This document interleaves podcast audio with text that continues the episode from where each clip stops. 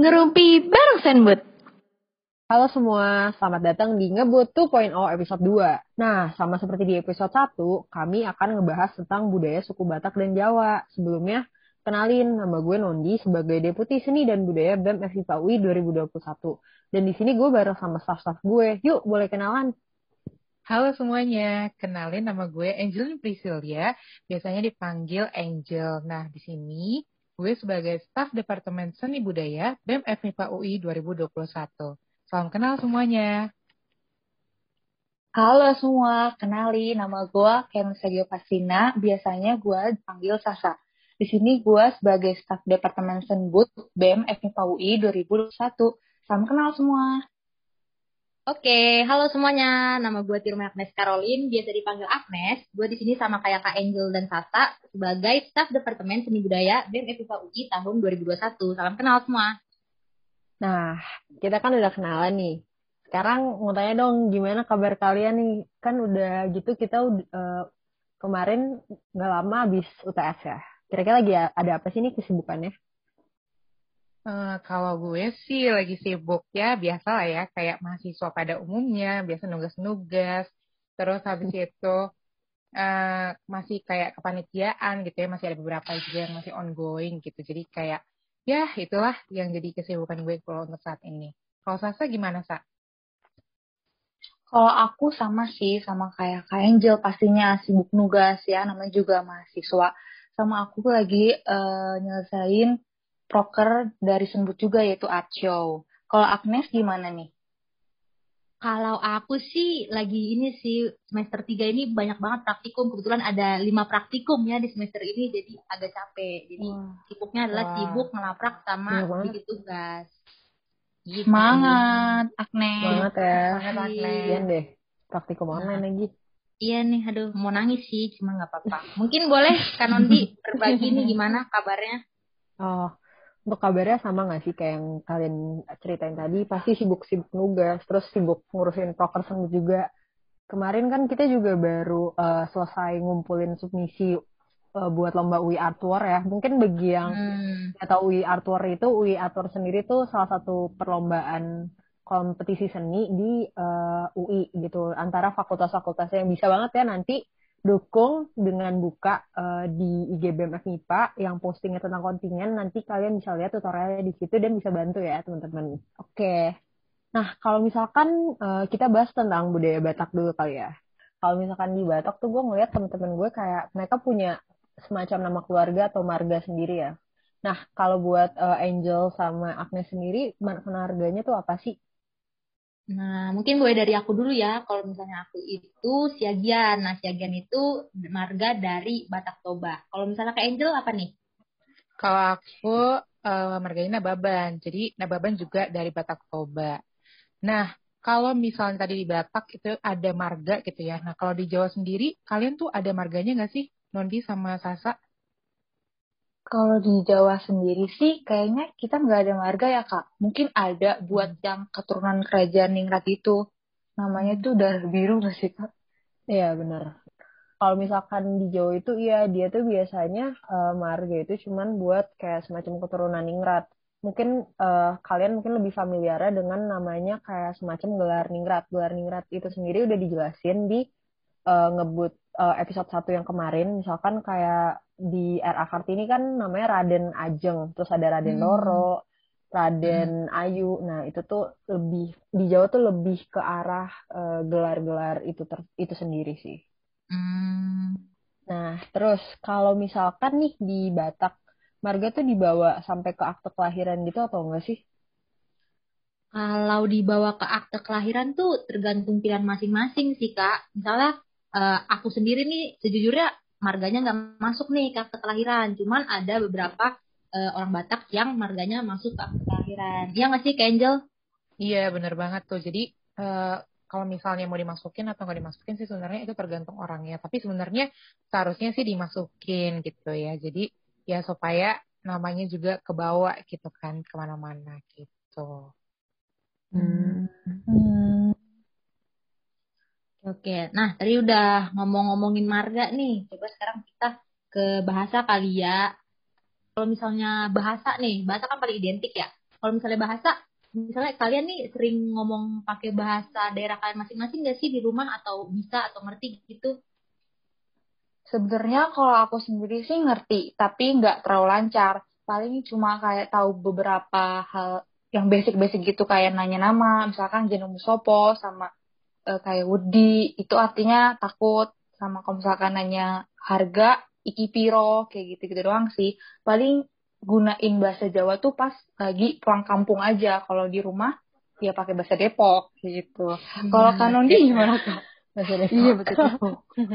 Kalau misalkan gue juga kurang lebih sama ya. Mungkin karena emang lahir dan besarnya juga udah di Jakarta dan apa ya ruang lingkungannya tuh kayak ya udah dikelilingnya agak jauh kalau gue tuh dari budaya Jawa. Cuman karena uh, ibu ibu sama nenek gue itu masih bisa ngomong bahasa Jawa dan gue suka denger dari kecil jadi secara langsung gue ngerti cuman untuk uh, ngebales atau ngomong dalam satu rentetan kalimat panjang gitu yang kayak ngomong pembicaraan bahasa basi atau misalkan balas-balasan gitu gue nggak bisa karena satu kan uh, Jawa itu ada logatnya sendiri ya kayak yang uh, Jawa misalkan Jawa Tengah itu uh, kayak medok-medok gitu kan ya medok-medok hmm. gitu. Kalau Jawa Timur kan mungkin bahasanya lebih halus gitu kan. Nah udah ngerti maksudnya ngerti kalau orang ngomong cuman nggak nggak bisa nge apa ya ngomong bahasa Jawanya gitu.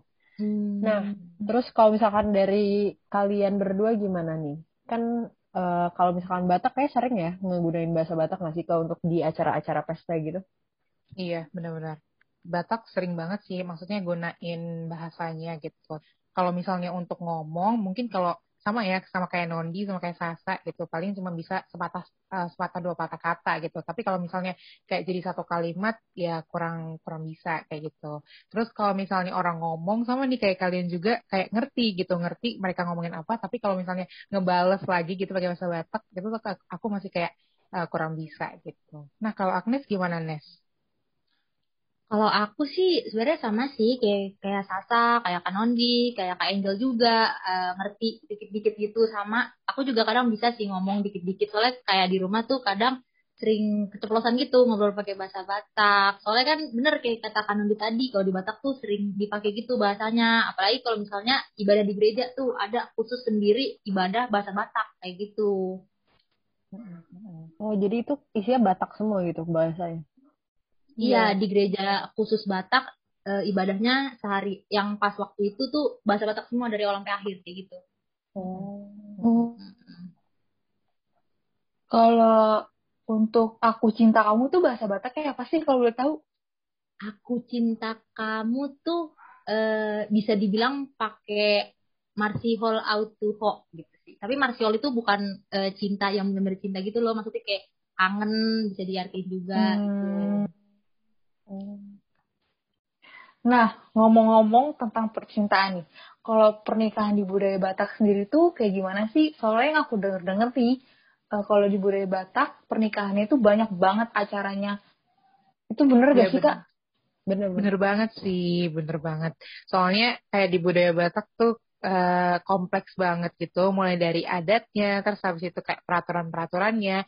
Contohnya aja misalnya kalau misalnya semarga gitu ya, pastinya kan nggak boleh nikah. Nah, tapi ada lagi tuh uh, namanya marpadan. Nah, marpadan itu uh, waktu nenek moyangnya itu udah uh, mengikat janji gitu. Jadi mengikat janji supaya uh, keturunannya itu nggak nikah gitu, karena udah dianggap seperti saudara sendiri. Contohnya aja ada Nababan sama si Torus Pane gitu. Jadi walaupun marganya beda, tapi mereka tetap nggak boleh menikah karena udah dianggap seperti saudara sendiri gitu. Jadi udah mengikat janji gitu untuk nggak uh, menikah.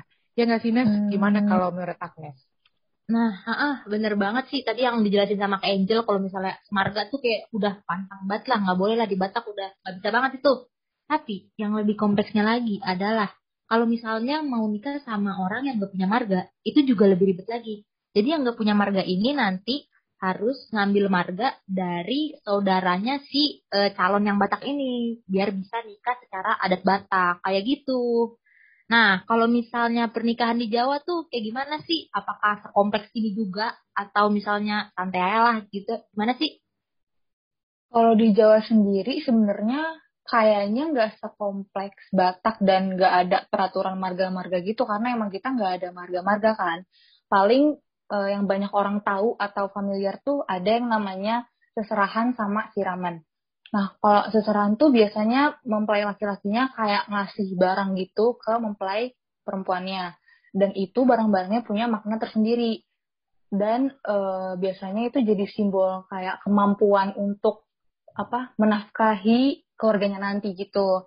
Terus ada juga yang namanya siraman. Kalau siraman itu punya makna pembersihan diri secara fisik ataupun mental. Jadi tuh nanti kedua mempelainya bakal disiram gitu pakai air melati. Gitu sih yang aku tahu. Ya gak sih kan Nondi? Mm-hmm, benar. Tadi kan Sasa udah nyeritain tentang uh, prosesi sebelum pernikahan hari harinya ya. Kayak maksudnya rangkaian acaranya gitu. Mungkin gue bakal nambahin tentang uh, prosesi pernikahan yang di hari harinya setelah uh, saat pestanya gitu kali ya.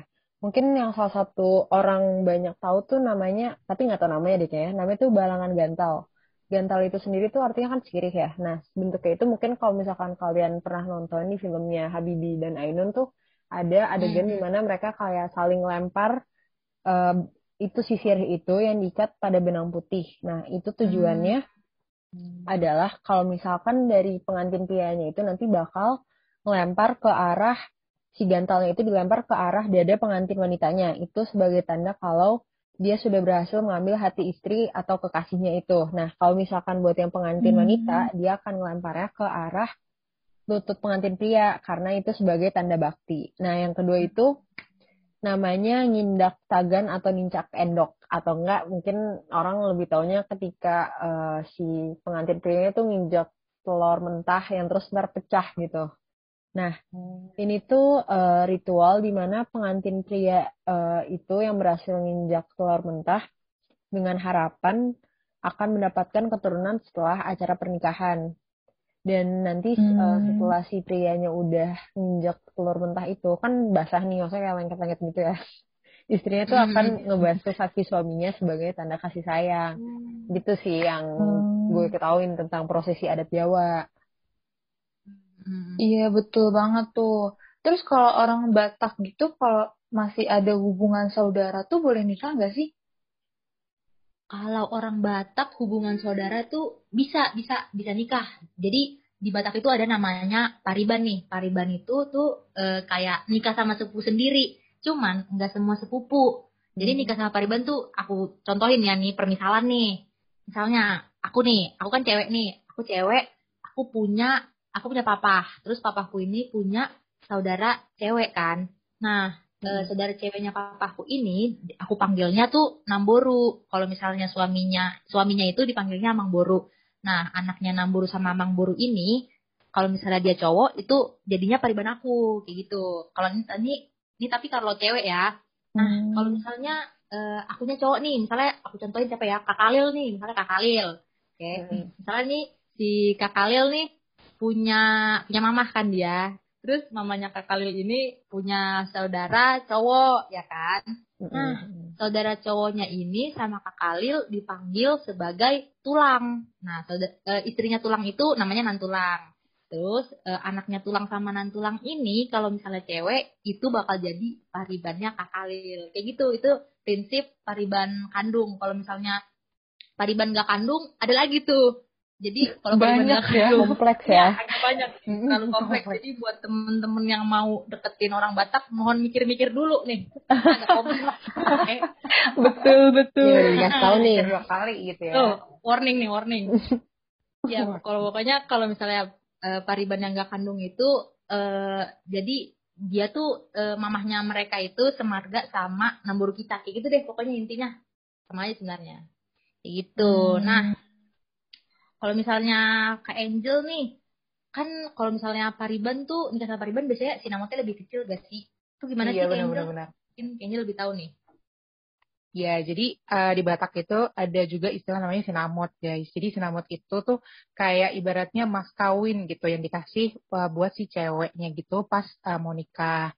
Ya, terus habis itu uh, biasanya juga kalau misalnya si ceweknya ini punya gelar yang semakin tinggi, misalnya dia uh, udah udah lebih tinggi gitu ya gelarnya udah S2, udah S3, biasanya juga sinambotnya makin besar kayak gitu. Jadi kalau pendidikannya makin tinggi gitu gelarnya makin tinggi, pastinya sinambotnya juga makin besar gitu. Ibaratnya harga si cewek ini semakin mahal gitu. Mm -hmm.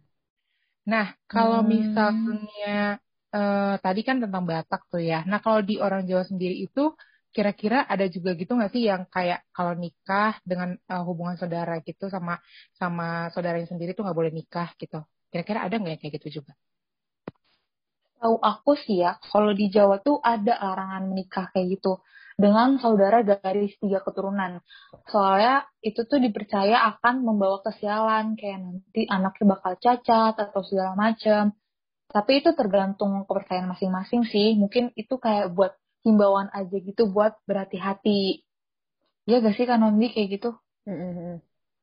Ya lebih ke karena kita juga nggak punya punya marga. Cuma sama marga tuh bukan sesuatu yang mendefinisikan Jawa, mendefinisikan cuman mungkin untuk kalangan tertentu doang ya. Jadi kayak lebih ke ini kali lebih ke yang tadi kayak secara genetik ya mungkin karena garis ketiga kan juga masih hubungannya masih agak erat gitu ya takutnya mm, malah secara nggak langsung tuh kasihan nanti buat ke anak atau keturunannya malah uh, dia bakal kenapa-napa jadi cacat gitu. mm. Uh, mm. itu sih ya kalau misalkan jadi kayak himbauan aja sih mm -mm. bener nggak ada yang sampai kayak kalian tadi yang ngebahas tentang pariban atau sinamot gitu nggak ada sih hmm oke okay, oke okay. Nah, kan dari tadi udah ngebahas budaya-budaya nih dari A sampai Z kayaknya udah pusing banget nih, udah agak kompleks banget ya. Ya, banget. Mungkin nah, mungkin sekarang aku pengen nanya sih ini kalau misalnya eh, kalian mau nikmatin budaya Jawa gitu, kalian bisa pergi ke mana sih? Ada rekomendasi gitu nggak sih? Hmm, ada dong pasti. Kalau misalkan rekomendasi dari gue itu kalau di kalau kalian misalkan pengen ke Semarang, ada namanya Desa Wisata Budaya Kandri. Nah, e, di Desa Wisata Budaya ini e, penduduknya itu masih ngejaga alam sama budaya dengan baik. Jadi di situ kalian tuh bisa sekalian refreshing sama kenal lebih jauh tentang budaya adat Jawa gitu. Nah, setiap tahunnya juga masyarakat Desa Kandri ini punya acara untuk melestarikan budaya Jawa itu sendiri. Nanti itu bakal ada pertunjukan wayang kulit, wayang suket, jatilan, ketoprak, kesenian lesung, sama ada namanya kirap sesaji rawanda. Jadi itu bagi kalian yang emang tertarik banget nih maksudnya buat kenal uh, budaya Jawa atau pengen tahu doang, uh, pengen tahu lagi, bisa nih datang ke Desa Wisata Budaya Kanti Semarang.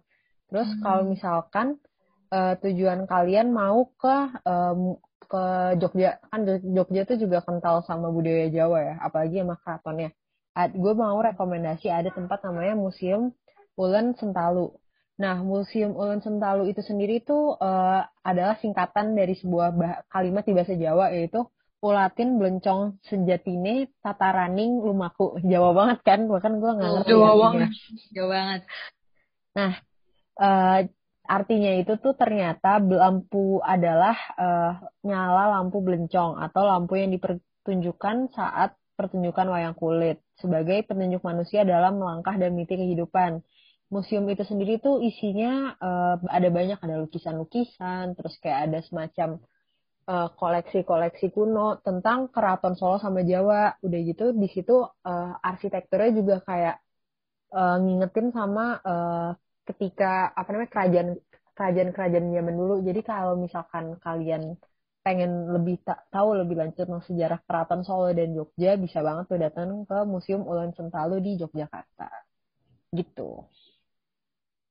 Hmm. Oke, okay, kalian bisa tuh ke sana.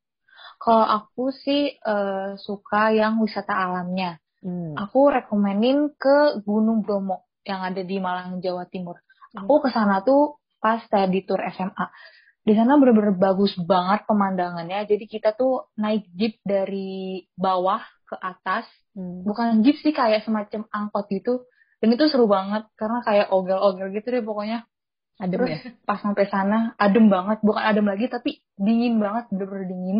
Tangan sampai sama kaki aku tuh padahal udah pakai sepatu sama sarung tangan kan. Hmm. tapi tetap aja kayak sampai nggak bisa ngerasain gitu loh. Kayak nggak berasa aja tuh tangan ada saking dinginnya. Berapa ini ya derajat celcius pokoknya empat apa ya dingin banget. Terus sama aku rekomenin uh, yang udah familiar banget itu Candi Borobudur. Itu hmm. biasanya kalian ini gak sih pas tadi tour SMP biasa ke situ? Hmm. Bener-bener. iya, udah pasti banget. Paling iya, paling itu aja sih kalau dari aku. Kalau Kak Angel sama Agnes sendiri gimana? Ada rekomend tempat yang seru nggak sih buat dikunjungi di sana? Hmm, kalau aku sih rekomendasinya ke Pulau Samosir.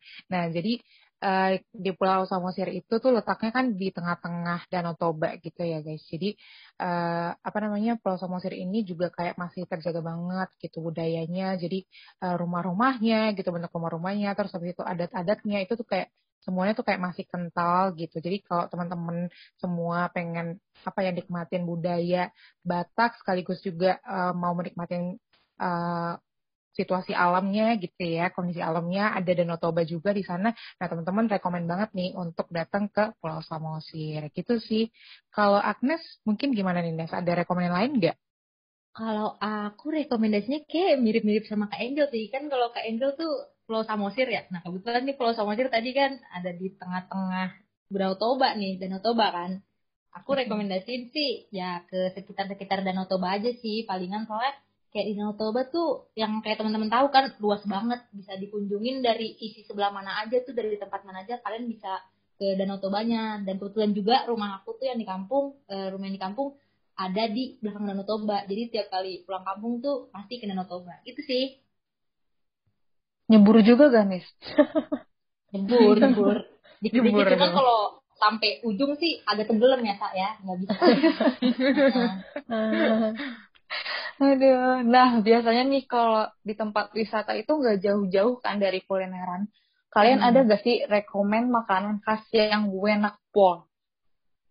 Oke, kalau rekomend makanan sih biasanya kalau aku sih kue-kue gitu ya. Jadi kue-kue gitu ada misalnya lapet. Nah lapet itu juga ada dua jenis gitu ya. Biasanya ada lapet beras, ada lapet ketan. Nah biasanya nih kayak makanan wajib banget nih kalau misalnya kalian datang ke pesta-pesta Batak gitu ya. Atau mungkin pas di, uh, pasti kalau misalnya di rumah-rumah Batak gitu ya. Biasanya nggak jauh-jauh deh dari kue lapet ini. Terus habis itu ada juga Bika Ambon. Nah pastinya teman-teman juga kalau misalnya datang ke Medan gitu ya, nikmatin budaya Batak juga pasti nggak jauh-jauh juga dari Bika Ambon. Nah itu sih paling rekomend aku tentang kue-kuean. Mungkin dari Agnes ada nih rekomend makanan lainnya. Gimana Nes? Oke, kalau misalnya dari Kak Angel tadi kue-kuean, kalau dari aku kayaknya asin-asin sih. Kalau aku rekomendasiin tuh ada namanya mie gomak. Jadi mie gomak ini kalau kalian pengen tahu bentuknya kayak gimana tuh bentuknya mirip sama udon, cuman nggak segede udon sih, kayak spaghetti deh, kayaknya spaghetti, spaghetti. Tahu kan spaghetti? Hmm. Nah, ya. beda banget ya spaghetti, mohon maaf. Tahu ya, ya beda gak sih? Pokoknya uh, tebelnya mirip-mirip spaghetti deh, spaghetti, spaghetti. Hmm. Hmm. Oke. Okay. Soalnya uh, mie gomak tuh juga sering disebut kayak spagettinya orang Batak gitu deh ceritanya. Hmm, lokal ya, spaghetti lokal. Hmm, bener banget. Terus kenapa dibilangnya mie gomak? Karena gomak itu kan artinya kayak merauk gitu kan, pakai tangan. Nah, dulu tuh mie gomak itu dijualnya buat e, seporsinya itu nanti seporsinya tuh digomak gitu buat mindahin minyak kayak gitu. Makanya namanya mie gomak. Tapi kalau kalian mau cobain hmm. harus cobain sih. Ya, di Paci tuh. Oh, sekarang masih pakai tangan emang ngambilnya? Kalau sekarang sih e, karena udah agak modern ya, udah ditemukan namanya tendok, gatu, tapi jadi bisa dipakai itu baginya. Ya. Oh iya, oke bagus lebih lebih higienis juga dong. Oke, mungkin udah nih batak-batakan nih. Sekarang kalau misalnya dari Jawa, apa sih ini rekomendasi makanan-makanan atau kuliner yang enak? Oke, dari tadi kan udah ngomongin makanan nih ya. Gue mungkin bakal ngasih rekomendasi itu lebih ke minuman, lebih tepatnya jamu jamu hmm. sendiri itu kan mungkin enak atau enggaknya tergantung masing-masing orang ya. Cuman buat gue tuh jamu salah satu yang gue rekomendasi tuh karena dia itu menyehatkan. Karena jamu kan uh, dia terbentuk dari bahan-bahan alami kan. Contohnya kayak ada daun-daunan, kulit batang sama buah, pokoknya dicampur-campur jadilah racikan jamu itu. Mungkin gue mau rekomendasi nih bagi orang-orang yang pertama kali mau cobain jamu ya, karena jamu ada beberapa yang pahit juga. Mungkin gue rekomendasinya adalah jamu kunyit asam sama jamu beras kencur. Kalau kunyit asam sendiri gue rekomendasi tuh karena satu, uh, gue juga udah pernah dan sering minum. Ini tuh biasanya ngobatin ketika lagi haid, nggak ngobatin banget, cuman kayak hmm. meringankan. Salah satunya kan kalau misalnya yang haid yang sampai sakit banget tuh perutnya kayak kalau misalkan minum uh, jamu kunyit asam yang anget-anget tuh jadi lumayan lah seenggaknya kayak ya nggak begitu sakit lah. Mungkin sugesti juga ya cuman ya bisa dicoba mungkin buat teman-teman lainnya. Terus kalau buat beras kencur sendiri itu karena uh, beras kencur itu uh, rasanya lebih manis dibanding jamu-jamu lainnya. Jadi kalau buat orang yang pertama kali nyoba menurut gue daripada kaget ya minum kayak yang asam pai nyobain uh, pahitan atau kunci sirih mungkin bisa coba beras kencur dulu. Sama wedang ungu tuh juga enak tuh bisa dicoba juga. Kalau dari beras kencur tuh biasanya ini gak sih dicampur sama buyung upik tau gak sih? Iya, yang iya. ada rasa-rasa anggur strawberry kayak gitu. Iya, enak bener. banget dicampur mm -hmm. itu. Kayak rasanya otentik banget gitu gak sih? Kayak nggak bisa ditemuin gitu loh walaupun rasanya iya gimana ya iya kayak beda aja gitu kayak rasa Jawa banget. manis pokoknya yeah. rasa Jawa dan itu manis banget enak hmm. Udah banget nah kalau Sasa gimana Sa? kalau Kanandi kan bahas minuman ya kalau aku tuh mau bahas tentang jajanan pasar gitu hmm. biasanya tuh di Jawa ada jajanan pasar namanya Tiwul Gatot terus biasanya di Jakarta juga ada abang-abang suka lewat gitu pakai motor kayak tiwul tiwul gatot gatot kayak gitu. Hmm. ada gak sih di rumah kalian lewat kayak gitu? Dulu apa di daerah aku, aku doang. Nggak ada sih. Dulu tapi kayaknya udah nggak ada lagi deh sekarang. Hmm. ya pokoknya itu enak banget. Jadi isinya ada tiwul gatot cenil. Cenil tuh yang warna-warni dan itu kenyal-kenyal. Hmm. terus ada getuk. Getuk tuh dari ubi warnanya coklat. Dan itu semua kalau dipaduin tuh jadi rasanya manis dan gurih gitu. Pokoknya enak banget, kalian harus coba. Itu aja sih. Klepon sama kopor gak sih, Kak? Emang ya, emang kayak klepon juga ada ya? Klepon. So, aku cuma ada itu. Oh, berarti ada mungkin ya. Tapi klepon iya, tuh mungkin ada. lebih apa ya? Kayak mungkin lebih sendiri gitu kali ya. Cuman klepon iya, lebih sendiri gitu rasanya. Terus kalau dimakan iya, pecah gitu di mulut. Iya, hmm. ada gula merahnya. Iya enak banget. Enak juga. banget itu juga. Enak sih. Nah kita kan kayak ngebahasnya udah lama banget ya. Udah dari kita ngebahas tentang ba marganya, bahasanya, pernikahan, budaya Batak dan Jawa. Terus kita juga udah ngasih rekomendasi tempat wisata sama makanan. Kira-kira kayaknya untuk episode kali ini uh, segini dulu kali ya. Mungkin kalau dari teman-teman lainnya nih, ada yang mau disampaikan nggak ke para pendengar kita? Oke, boleh deh dari aku dulu. Aku pengen yang pengen aku sampaikan ke teman-teman yang denger ini tuh semoga teman-teman yang denger ini uh, di waktu-waktu yang mendatang bisa nyobain kuliner-kuliner dari budaya Batak, dari budaya Jawa atau dari budaya mana aja deh yang ada di Indonesia. Soalnya wajib banget sih itu buat dicobain. Selain itu Betul. juga nah, uh, selain itu juga semoga teman-teman bisa keliling-keliling Indonesia biar bisa ngeliat Danau Toba, terus ke Borobudur segala macem. Kayak gitu sih. Betul banget apa kata Nes dan semoga uh, percakapan kita kali ini nih bermanfaat bagi teman-teman semua dan menambah wawasan mengenai budaya-budaya yang ada di Indonesia. Kalian juga jangan lupa jaga kesehatan ya. Ya teman-teman, jadi ya semoga lewat podcast ini teman-teman juga bisa punya wawasan yang semakin banyak gitu ya tentang uh, budaya Batak dan budaya Jawa. Juga uh, semoga lewat podcast ini teman-teman juga semakin terinspirasi gitu untuk terus uh, menjaga kelestarian budaya teman-teman masing-masing gitu. Betul banget. Nah, oke okay, uh, sebelumnya uh, mau bilang makasih banget yang udah ngikutin sampai ke podcast ngebut 2.0 episode 2 ini. Uh, terus stay tune di episode-episode berikutnya karena kami bakal ngebahas tentang berbagai budaya yang ada di Indonesia dan itu pasti menarik banget. Uh, akhir kata, mari kita jaga semua kita dalam masa pandemi ini agar dapat bersinergi dalam dinamika mewujudkan kita dan berhasil mendaratkan asa. Makasih semua, see you. Dadah. Makasih semua, bye bye. Dadah.